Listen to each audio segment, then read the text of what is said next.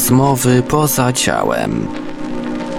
OB, LD i inne zjawiska parapsychiczne omawia Zbyszek Mrugała. Witam słuchaczy Infry, gości na naszej antenie Jarek Brzoma. Dzisiejszym tematem jest niespodzianka. Będziemy się starali udowodnić istnienie ciał niefizycznych i udowodnić ludzką nieśmiertelność. Witam Ci Jarku. Moje uszanowanie, bardzo mi przyjemnie znowu gościć na antenie. Jakbyśmy poruszyli w ogóle tą kwestię nieśmiertelności, jak ją ugryźć, żeby tego Nobla... Dostaniesz na końcu audycji, jak udowodnisz naszą Nobla. nieśmiertelność. Mianuję Cię noblistą... Honoris causa. Honoriciaucus. Honoris, honoris ciałku.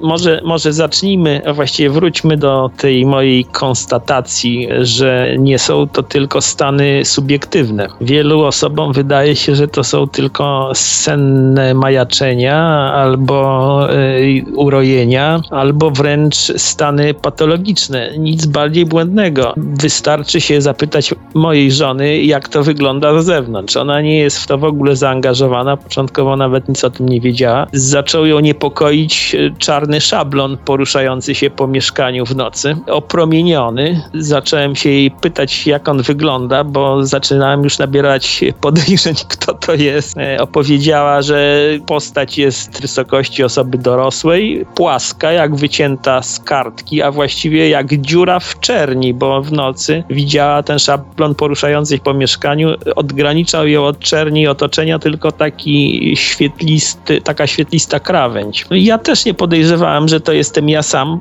Myślałem, że to może przewodnicy, którzy do mnie w nocy przychodzą. Sprawa się wyjaśniła kiedyś późno w nocy, kiedy żona skończyła oglądać telewizor w tym pokoju, w którym ja sobie śpię na materacyku i wyłączyła wszystkie światła. Okazało się, że jest mnie trzy egzemplarze. Trochę się przestraszyła wtedy. Na drugi dzień e, spotkałem się za, z apelem z jej strony, żeby może już przestał. Wypytałem się, jak to wy wyglądało dokładnie, bo byłem też zdziwiony e, samą możliwością obserwacji takiego zjawiska. Wyglądało to w ten sposób, że żona zaobserwowała, że leżę na materacu przykryty kołdrą e, i wynurza się ze mnie druga głowa o jakimś takim charakterze dymnym, a Palisz dopiero... papierosy? Nie, nie, to żona pali, ale w łazience. Ale jeszcze kształtu mojej własnej głowy i właśnie ów wspomniany szablon, a właściwie dopiero głowa tego szablonu, jako kolejna warstwa. Także jeszcze ta bardziej subtelna. No i wtedy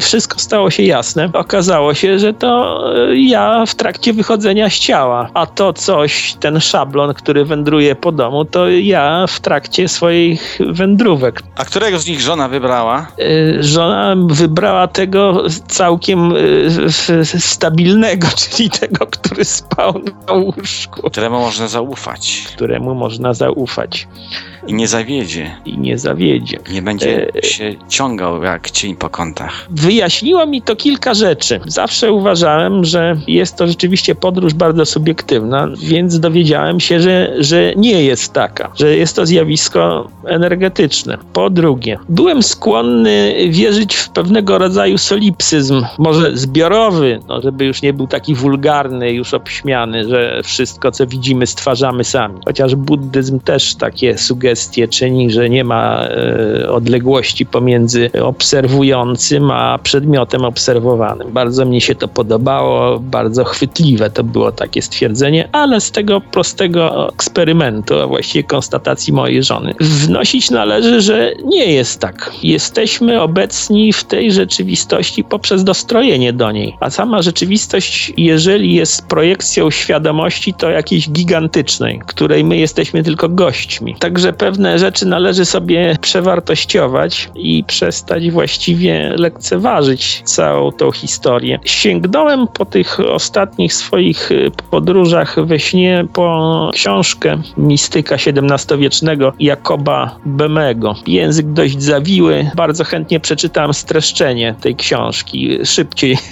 szybciej się czyta niż sam tekst książki. Napisane streszczenie nie przez kogo innego jak przez Adama Mickiewicza. Wow. Okazuje się, że on się pasjonował takimi rzeczami, nie tylko tą towiańszczyzną, o której nas w szkole uczono, ale i Angelusem Silesiusem, właśnie Jakobem Beme, no i Swedenborgiem. To jest cała historia. Romantyzm polski i europejski opierał się właściwie na tych trzech mistykach. To są fantastyczne doniesienia. No i zacząłem tego Bemego czytać i cóż się okazało? Byłem bardzo zdziwiony, jak współczesny był to człowiek. Właściwie e, współczesny nam, bo e, jego stwierdzenia z jego doświadczeń mistycznych od razu mi się wydały znajome. I cóż on takiego ciekawego powiedział w temacie, który nas interesuje? Mianowicie to, że człowiek, on to nazwał człowiekiem pierwotnym, co, co innego zupełnie rozumiał niż my dzisiaj. Człowiek początkowo był duchem i miał tylko zmysły potrzebne mu do bycia w świecie duchowym. I dopiero w czasie tej swojej bytności został sprowadzony do cięższych poziomów przez byty subtelne, które były dużo prymitywniejsze od niego i przyłączając się do niego powodowały jego wytracanie, no nazwijmy to w dzisiejszym języku, wibracji. Muszę ci powiedzieć, że byłem wstrząśnięty tą konstatacją, bo ja doświadczyłem właśnie czegoś takiego. Tylko y, ja to w swojej takiej ignorancji y, nazywałem przewodnikami, podzieliłem ich nawet na dwie kategorie, na takich przewodników, którzy otwierają nam przestrzenie i w tych przestrzeniach y, nas goszczą oraz takich przewodników, którzy się z nami stapiają na najgłębszym naszym poziomie. I wtedy sobie właśnie, jak czytam tego Bemego, zdałem sprawę, że on właśnie pisze o tym samym, o drodze zstępującej i jak to właśnie wszystko wygląda. E, no, Jakub Beme, jak to wiadomo, gnostyk, ale chrześcijanin, bardzo dużo mówił o Jezusie. Nie wiem, czy to cię zainteresuje. Jak najbardziej. My mamy dwóch apostołów na forum OBFL. Aha, jednego znam, a drugi? Pojawił się młody chłopak, jest świętym Janem. Aha, rozumiem. No dobrze.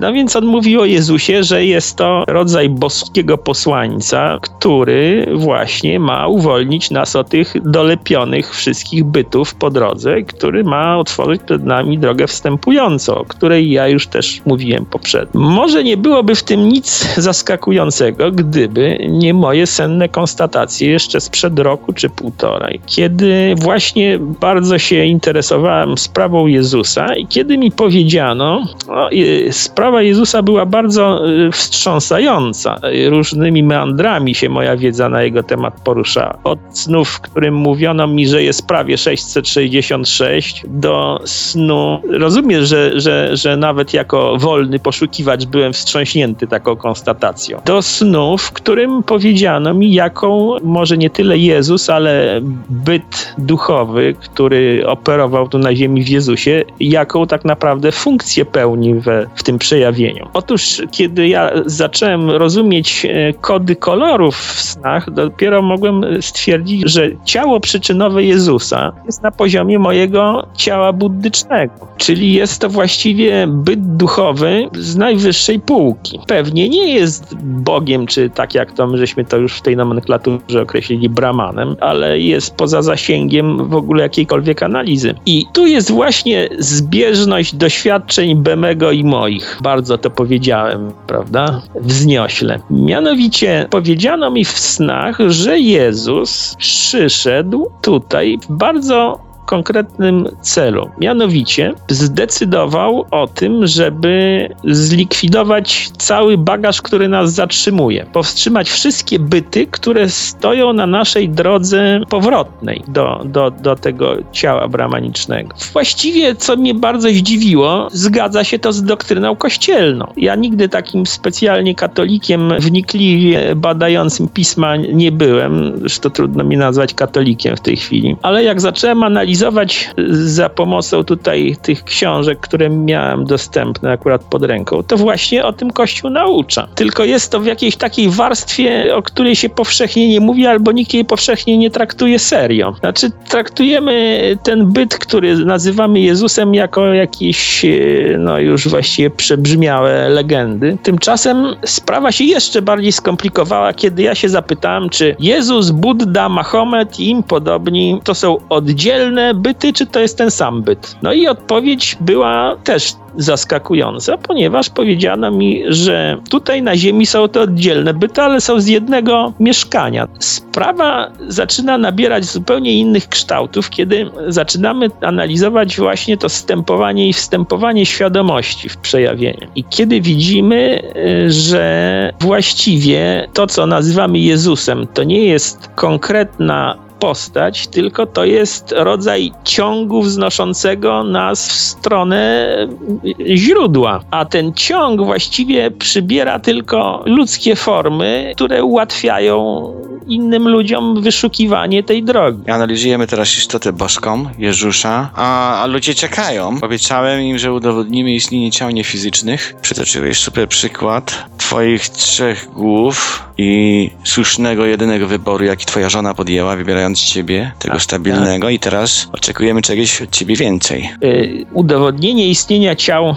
ciał niefizycznych. A później nieśmiertelności. No przecież to dla ciebie proste. Skoncentruj się, bo ci głowę oberwę. No hala natrę. Mhm, ciała niefizyczne. O, Właśnie dzisiaj prowadziłem taką krótką korespondencję z pewnym znajomym, którego przysposabiam do śnienia. Próbuję ułatwić tą drogę. Co ciekawe, on jest spod znaku barana astrologicznego, czyli trochę wyżej niż my. I jak mogłem się spodziewać, trochę wyżej niż my lata. Tak, gdzie jest? Już, już po dwóch tygodniach facet udał się. Dlaczego swoi- my? No, ja mówię ty i ja. Dlaczego? A Może mi się też udało raz, gdzieś indziej. No ci się udało, ale on ma lepsze predyspozycje, bo, bo działa między ciałem atmanicznym a buddycznym, a nie między buddycznym a przyczynowym, tak jak my. Mm, ja też taki jestem jak ty. Dobrze, nie będziemy się licytować. Opowiadaj, bo jestem strasznie ciekawy, co ten ktoś przez dwa tygodnie osiągnął. No więc powiem ci, że początkowo rzucało go, ale już od początku, od, od początku widziałem, e, bo on mi wysyłał te swoje sny, od początku już widziałem, że facet od razu w wysokich rejonach działa. A dzisiaj przysłał mi y, opowieść o swojej podróży. No sądzę, że właśnie w ciała atmanicznego. Po raz pierwszy, jak się przyznał, coś takiego przeżył, był tym bardzo wstrząśnięty. Co mu się stało? Bo on zadał pytanie przed zaśnięciem, y, czym on ma się w życiu zajmować. No więc wczoraj mu, y, wczoraj mu tak trochę y, jakąś sugestię podano, on nie bardzo to rozumiał, no i dzisiaj chciał się dopytać, no to go wysłali y, w podróż pomiędzy dostrojeniami. No i dostrajał się do y, jakichś poziomów energetycznych, właśnie ciał subtelnych, obcych osób, uczestniczył na tych poziomach w ich życiu. Wow. A kiedy namierzano go, że jest rodzajem opętującego, wystarczyło, że zmieniał lekko dostrojenie i znikał dla agresorów swoich. I podróżował tak przez północy. Tam jest mnóstwo takich szczegółów, ale właśnie jest to świetny przykład i na istnienie ciał niefizycznych i na, i na to, że jesteśmy połączeni na wysokim poziomie. Wszyscy właściwie mamy dostęp do siebie i do tego ciała najwyższego. I jest to całkiem realne zdarzenie. To jest właśnie ten moment, kiedy, kiedy ci opowiadałem o tym połączeniu się głowami na poziomie atmanicznym z tym, ze swoją atmą. Widzisz, nawet ty wolisz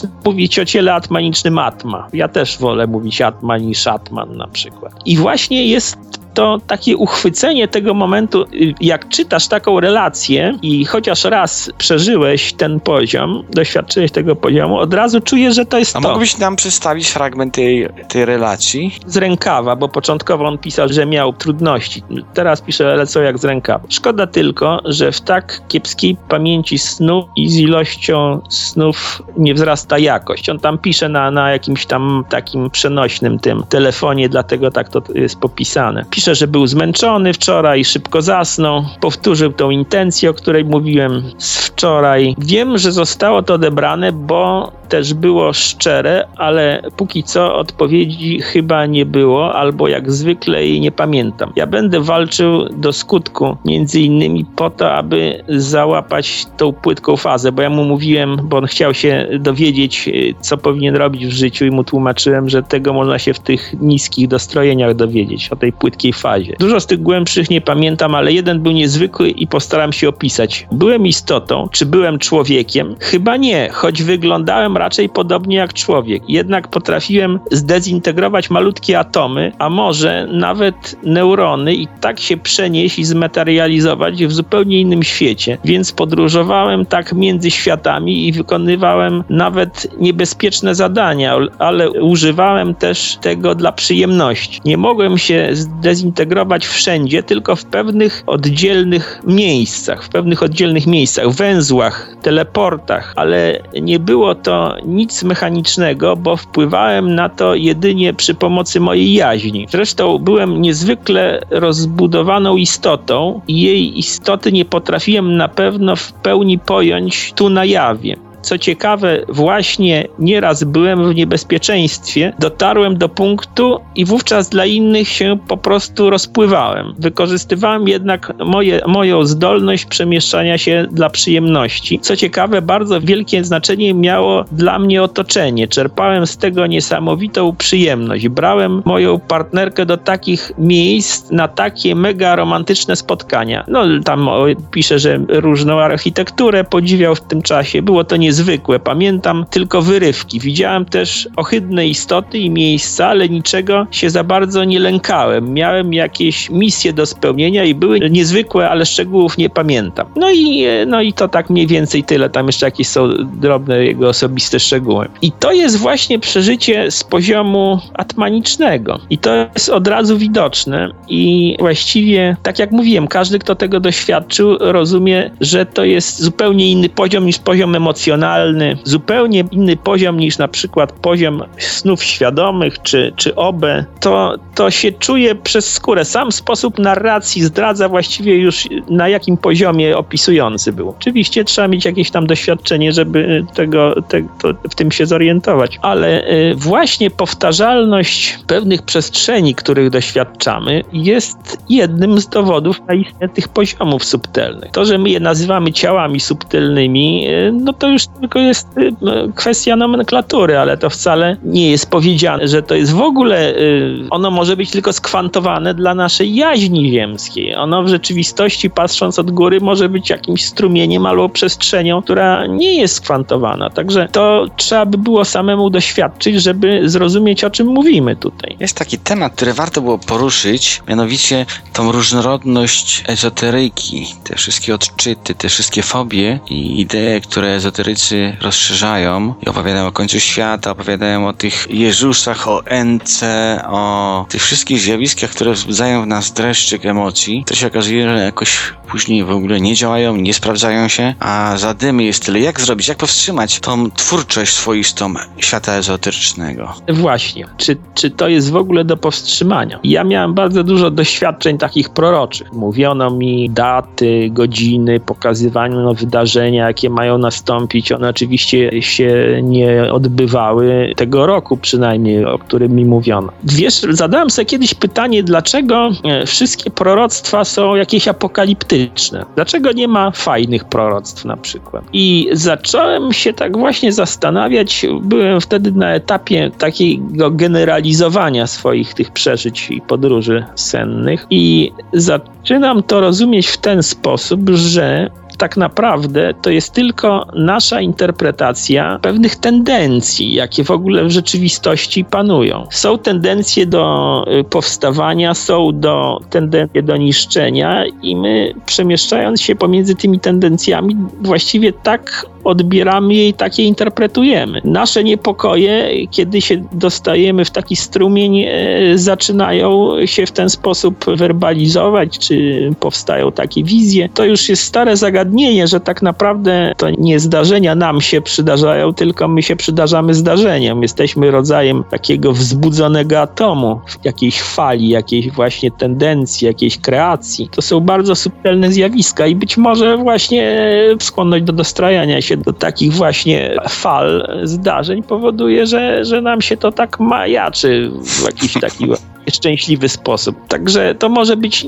po prostu dostrojenie się do jakiejś takiej ogólnej, wszechświatowej struktury, która, tak jak mówię, ona się w przejawienie zanurza i z przejawienia się wycofuje. My to po prostu odbieramy w ten tak ludzki sposób, że coś nas albo przytłacza, albo nas pcha. To jest, słuchaj, to samo, co zajrzyj do Castanedy, czy, czy do tych wszystkich współczesnych apokaliptyków, którzy mówią, że są u nas jakieś błotne cienie. Ja sam miałem takie doświadczenia, że jakieś rury mi przystawiają, że mnie odsysają. Ten słynny lóż, który mówił Monroe. Teraz są znowu ten y, Ike, który mówi, że, że jakieś y, jaszczury nami kierują i nas wysysają. Nie dziwicie to, że to wszystko jest wysysanie? To jest właśnie odbieranie tych, tych struktur, w obrębie których my się poruszamy. Albo nas wtłacza, albo nas unosi. No tak, to... pieniędzy ci nie zabiorą jaszczury, bo mają pełne banki. Tak, tymczasem, tymczasem te, te, te wszystkie nasze kreacje to prawdopodobnie jest taka, no może nie tyle antropomorfizacja, ale y, tworzenie jakichś form nam znanych z powodu odbierania pewnych, y, pewnych prądów wznoszących.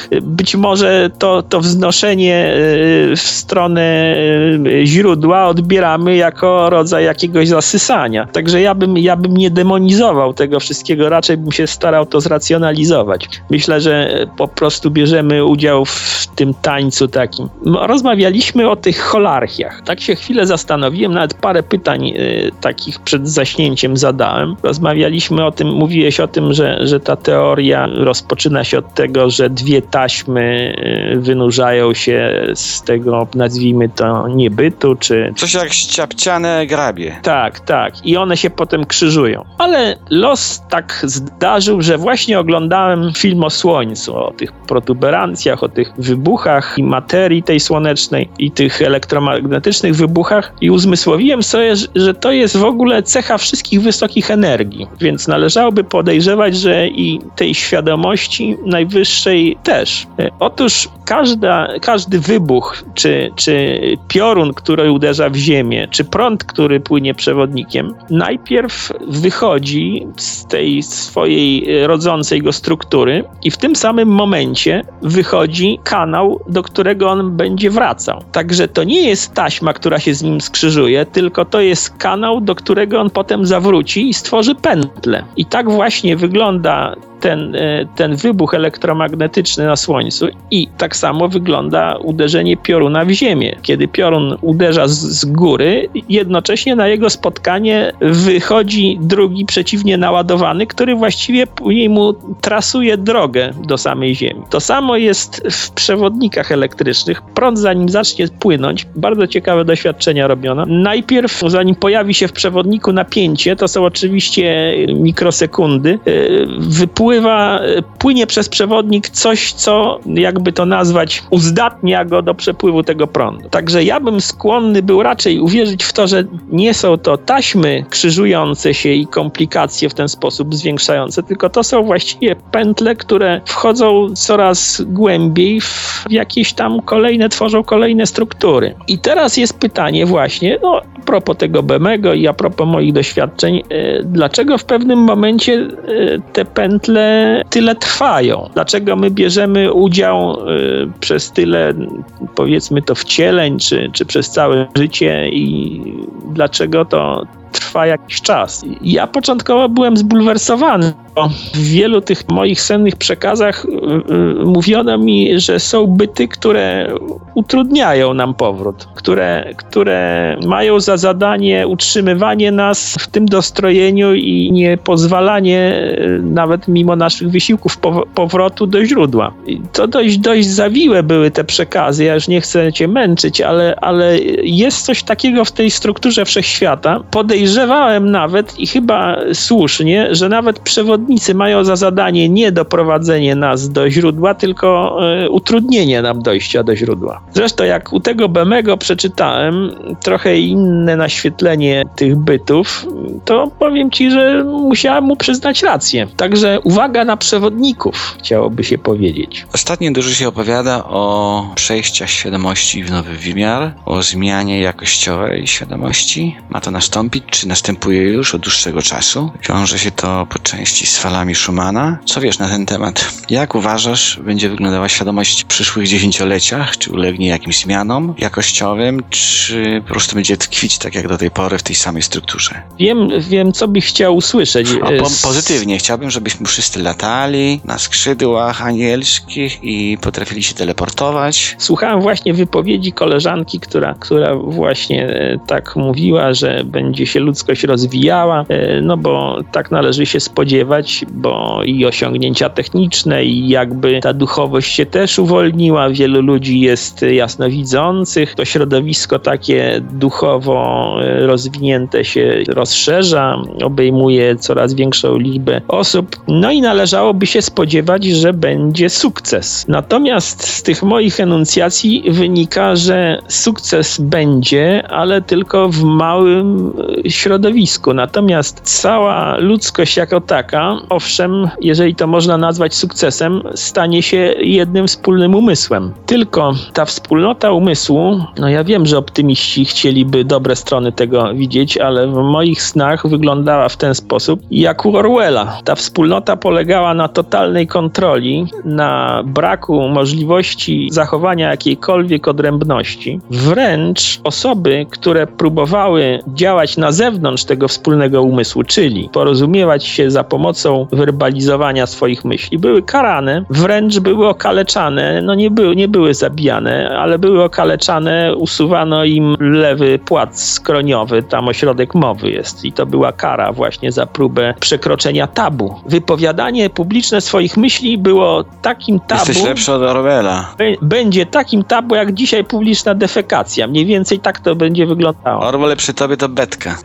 Ale słuchaj, lepiej. Zabrano mnie na koncert. Był to y, przejaw takiej, powiem ci, perwersji najwyższych środowisk kierowniczych tego y, środowiska całego. I tam jako szczyt perwersji była opera, możliwość śpiewania przez człowieka, czyli używania głosu, y, co było zakazane dla całej populacji. Także na tym polega ich najwyższa perwersyjna rozrywka. Ale zabawniejsze było to, że porozumiewali się pomiędzy sobą i miałem możliwość tego doświadczenia. Ja to widziałem w jakiś taki sposób, że ja to odbierałem jako takie obrazy świetlne i te obrazy świetlne miały specyficzne takie kształty, różne zawirowania. Wręcz pokazywano mi, e, jakim emocjom odpowiada jaki obraz. To był, znaczy już w tej chwili takich szczegółów nie pamiętam, ale to był bardzo rozbudowany i trwający kilka nocy z rzędu sen. Zresztą moja dusza, nazwijmy to, czyli ciało buddyczne, jak tylko żeśmy się z nimi spotkali, to ostrzegała mnie, że będzie to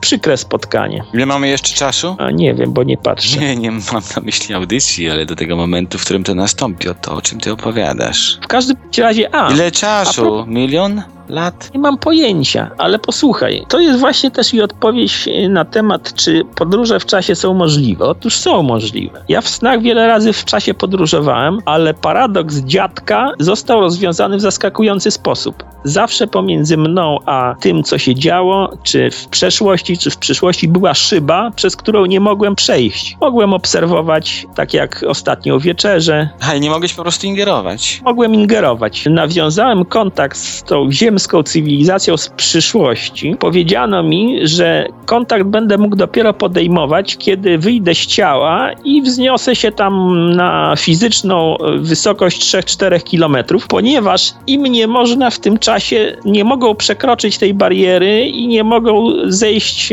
do mnie niżej, bo dzieli nas właśnie tego rodzaju bariera czasu. No i miałem tam bardzo dziwne historie z tym, no i tak jak mówiłem, to, to, to moje ciało buddyczne od razu powiedziało, że e, ono by ich zjadło najchętniej. Uważałem to za przejaw barbarzyństwa. Jak można zjeść gości, którzy przybyli, żeby się ze mną tutaj zaprzyjaźnić. E, no i oni się tak ze mną przyjaźnili, przyjaźnili, aż któregoś dnia, jak e, przysnąłem na kanapie, oglądając telewizor, już się automatycznie dostroiłem do tej takiej, wiesz, drzemki, tej płytszej warstwy. I w tej płytszej warstwie zobaczyłem, że oni mi zainstalowali w mieszkaniu e, rodzaj takiego robota, który chodził dookoła mieszkania, wspinał się na kotary. No i właśnie to ciało moje buddyczne o tym mówiło, że ono by to najchętniej zjadło. To była taka sonda, tylko ta sonda miała jakąś bardzo dziwną rolę. Wyobraź sobie, że ta sonda zaopatrywała 12 osób, tylko ciekawe w co, prawda? Ciekawe, czy im kosztem. Nie dałaby się sprzedać? No więc e, kiedy powiedziałem, no trochę na,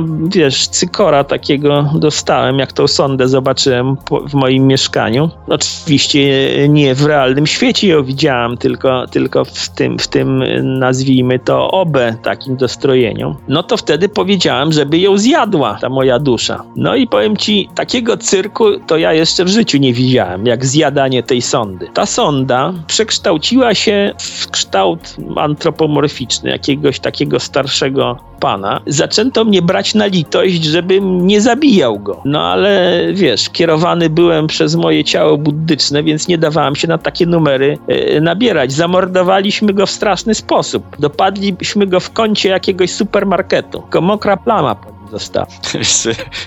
Widziałem ludzie się zalewać po tych twoich opowieściach. Ja mam dużo takich kawałków.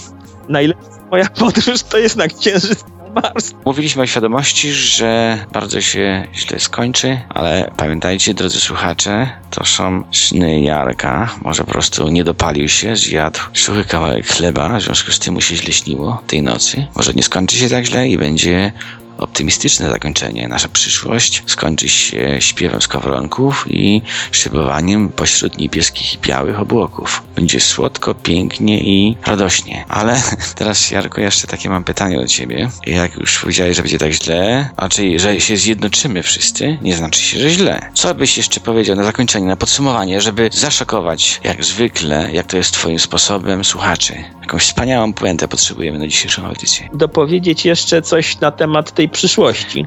A co by było? Chyba przyszłość byłaby ciekawa, to jest mocne. Co to znaczy? Opowiadali, że będziemy się łączyć wszyscy w jakimś tam wyższym poziomie, świadomość się złączy. Co to znaczy złączy, a jednocześnie potrafiły się te elementy tej całości, jako pojedyncze komponenty, porozumiewać. I nawet był jakiś sposób, zaproponowałeś jakiś świetlisty sposób porozumiewania się. Co to znaczy być połączonym, a jednocześnie zachować tą swoją niezależność i wymieniać się myślami? To znaczy, że nic nie można ukryć, yy, przez co właściwie człowiek przestaje być indywiduum yy, we własnym, dobrze pojętym interesie, żeby nie być ukaranym. Już ci mówię, jak wygląda. By, byłem świadkiem wykonania wyroku na osobach, które chciały indywidualnie podejść do życia. Yy, więc jednego. Czyli rozwinięci. No, to w jakimś sensie renegaci. Jeden dostał tylko naganę, a drugi dziwnie wyglądał na aktora, który odgrywał wcześniej Jezusa w moich snach, bo ci aktorzy, którzy odgrywają rolę w snach, one jeszcze potem egzystują przez jakiś czas i my ich żywimy, zanim się rozpłyną w tam niebycie, nawet kilka miesięcy egzystują. No i właśnie ten drugi był tym aktorem, miał tą powierzchowność tego aktora i tego ukarano poważniej. Wbito mu w gwóźdź w skroń. Czym się to skończyło? Nie, on przeżył, tylko tyle, że wyłączono mu możliwość porozumiewania się. To a propos przyszłej wolności yy, yy, i swobód obywatelskich, tak one będą wyglądały według przynajmniej tej relacji, której doświadczymy. Wróćmy jednak do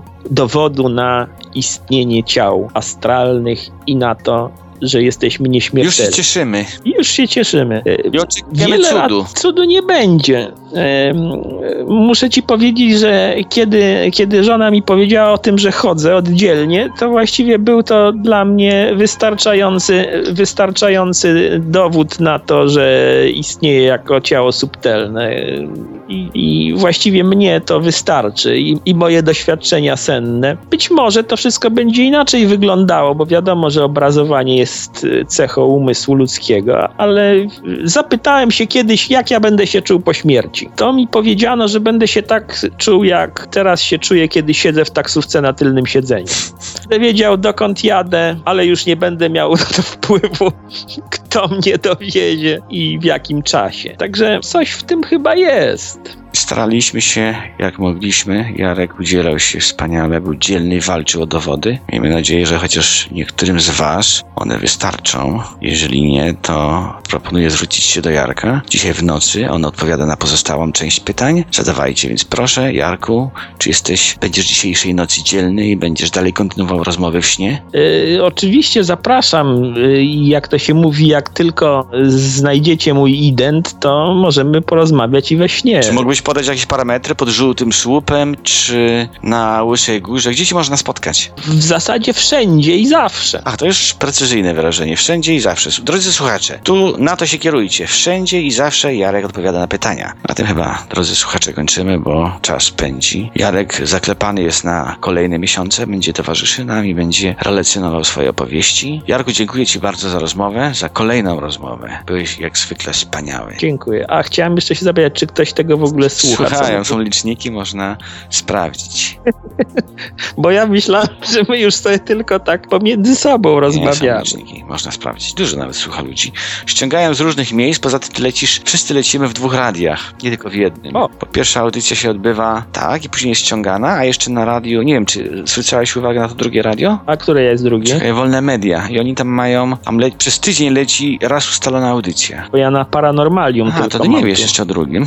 Czekaj, to muszę je poszukać. Na tym dziękuję Ci, Jarku. Było super.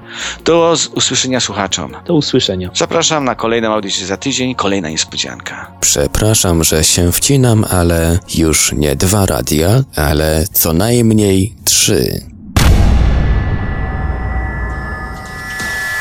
Produkcja i realizacja Portal Infra Archiwalne odcinki audycji Rozmowy poza ciałem znajdziesz w archiwum Radia Paranormalium na stronie radio.paranormalium.pl